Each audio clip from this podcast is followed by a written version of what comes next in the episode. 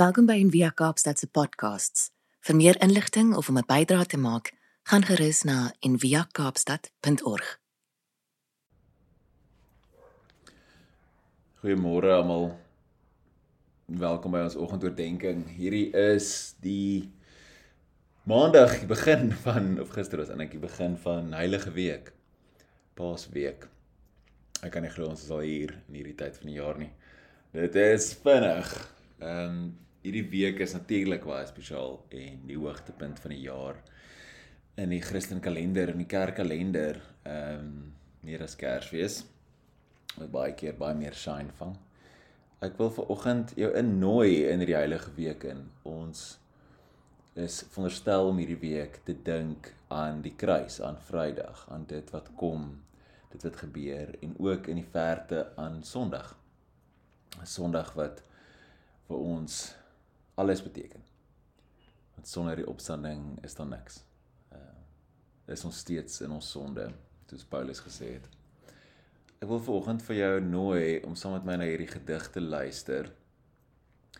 Palm Sondag wat gister was, vier ons of dink ons weer aan Jesus se intog in die in die in Jerusalem in donkie en palmtakke en mense wat roep Hosanna Hosanna en daai toneel is gelaai met verskillende lae betekenis. Van wie is hierdie koning? Is hy 'n militêre leier? Is hy profeet? Is hy die Messias? Is hy God se seun? Is hy teacher? Al hierdie verskillende vrae wat mense oor hom het. Is hy rebel? En ehm um, wat Jesus kom doen het is heeltemal anders natuurlik as wat gewone militêre leiers en rebelle en wat ek al kom doen het. So ek wil jou nooi om saam met my te sit en te luister na hierdie gedig. Die gedig se naam is What Kind of a King. Ehm um, en dit is geskryf deur Michael Geerling. Kom ek luister. Sit sit saam met my. Ons 'n paar keer lekker diep asem en dan begin ons so saam hierdie week. What kind of a king rides on a donkey? A donkey that might be borrowed or might be hijacked. What kind of a king builds a castle with a wide open door for children to enter but a needle sized hole for the rich? What kind of a king rides on a donkey into the city where his assassins are waiting? What kind of a king enters his assassin city with a ragtag commotion for all to see, not one security guard. What kind of a king lets his subjects treat him like a military liberator, but he doesn't come with a single sword or weapon? What kind of a king lets his followers send a public message to the competing powers with no intent of answering a single challenge? What kind of a king are you? What kind of a king can send two followers to fetch a donkey know exactly what they need to say? What kind of a king can tell a blind beggar, Your faith has made you well, and actually make him see? What kind of a king can weep at the funeral of his friend only to say, Lazarus, come out, and watch him come back to life? What kind of a king can sit at a dinner table with his subjects and be subject to them and wash their feet? What kind of a king can carry his own cross, can serve his assassin, and help him in his own execution? What kind of a king can die so that his assassins can live? What kind of a king are you? a king who came not to be served, but to serve and to give his life as a ransom for many, a king who keeps his promises, a king who I can trust, a king who can save, a king I want to follow. And so I come to you, King Jesus, not to be served by you, but to serve you and give my life to you.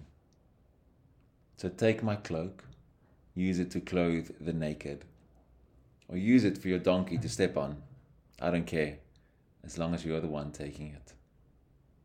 Because you're the only one who will give me a new garment in return, a white robe made of saints' righteous deeds, a garment that fits so well, it'll be a new self, yourself.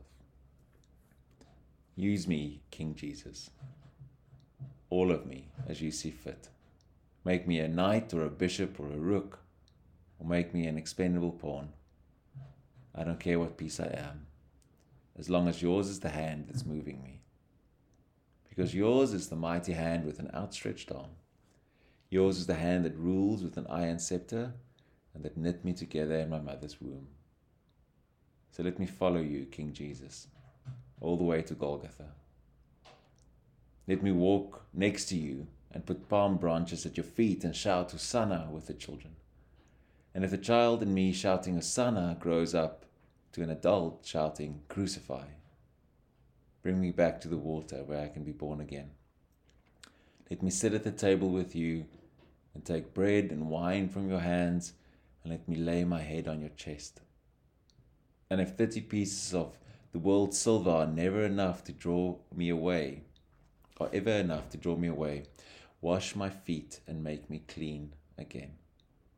Let me pray with you at Gethsemane and learn from you how to be vulnerable with the Father. Let me see your tears and sweat and grief. And if my prayers give way to sleep, Wake me again with the waters of regeneration. Let me walk with you to the cross. Let me be Simon of Cyrene and learn to carry your cross with you. And if my Simon of Cyrene becomes Simon Peter and I walk away from your cross to deny you, lead me back to these waters where I can still die with you and live.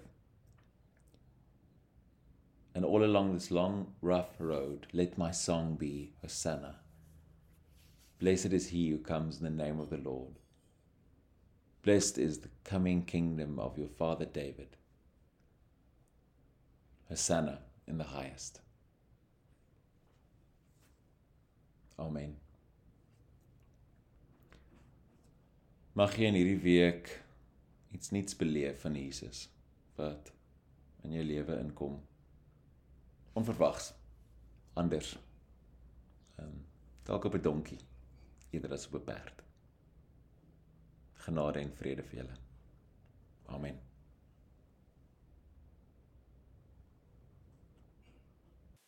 Dankie dat jy saam geluister het vandag. Besoek gerus en via kaapstad.org vir meer inligting.